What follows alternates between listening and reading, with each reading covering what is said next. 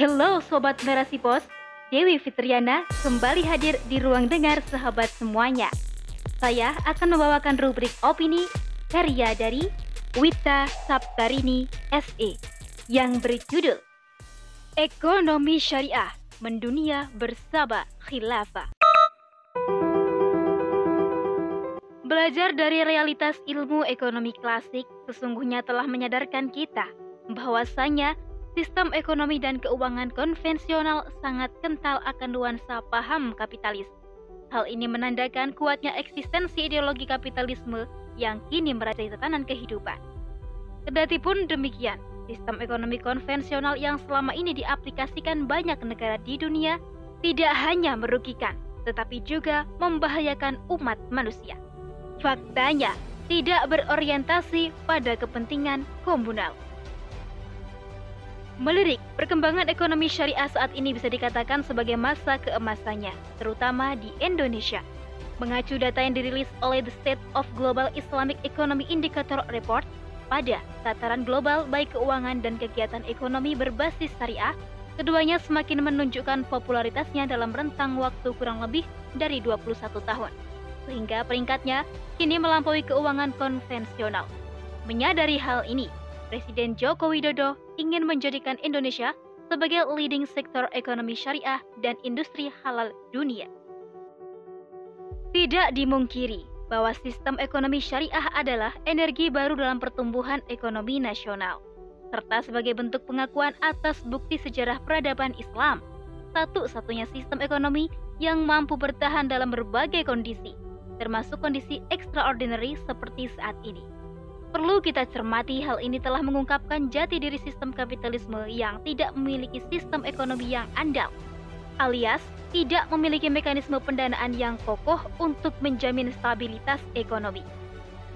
Pada praktiknya, karakteristik ekonomi syariah saat ini identik dengan sistem ekonomi kapitalis, tampak pada terminologi yang berbeda, namun secara garis besar tak sejalan dengan prinsip-prinsip syariah yang ditetapkan.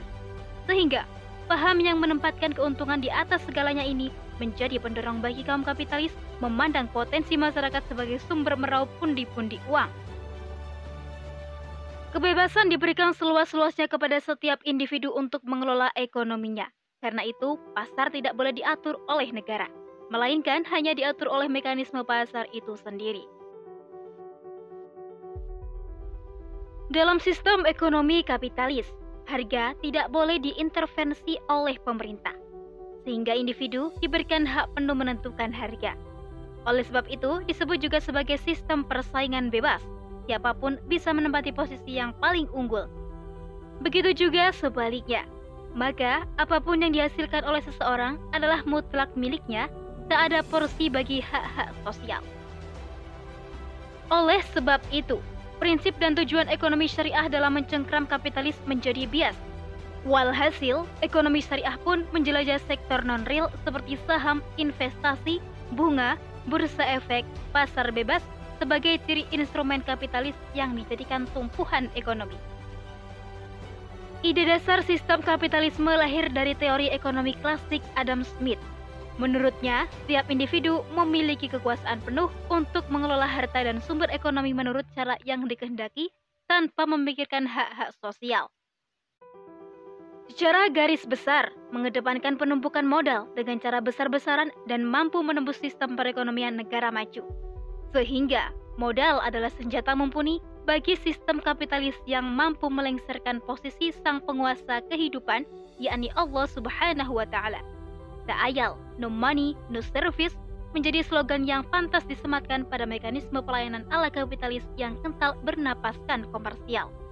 Syariah versi kapitalisme mungkin saja mendunia berkat kolaborasi apik korporat dan penguasa yang berperan di balik suksesnya demi mendulang keuntungan dan angan melanggengkan eksistensi sistemnya.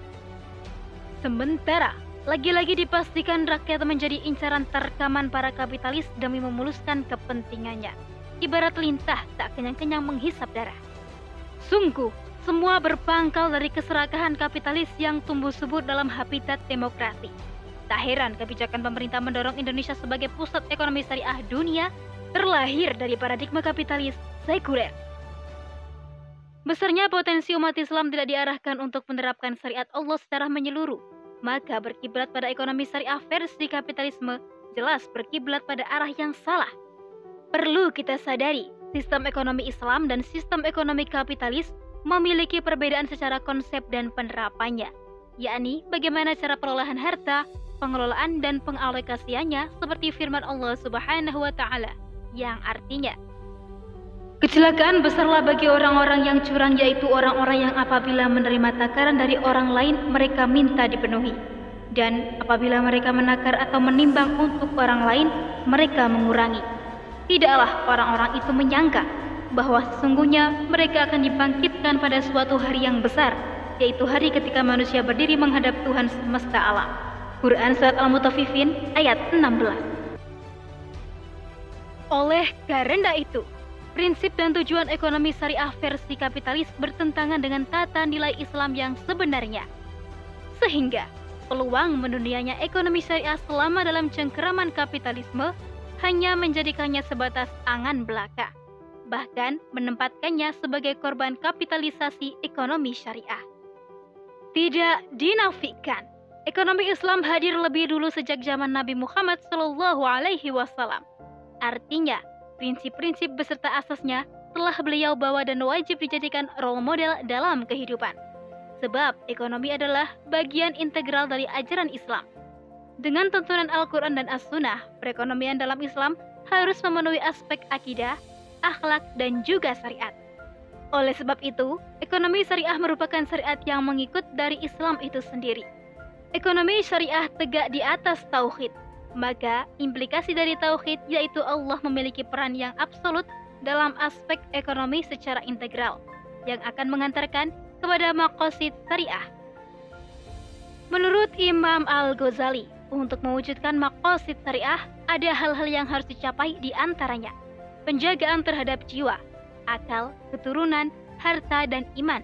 Tentunya disertai elemen regulasi yang sohih yaitu pengharaman riba, penerapan sistem keuangan berbasis baitul mal, menciptakan sistem moneter berbasis emas dan perak, pelarangan horor, penghapusan yang haram, penataan ulang kebijakan fiskal secara berkala.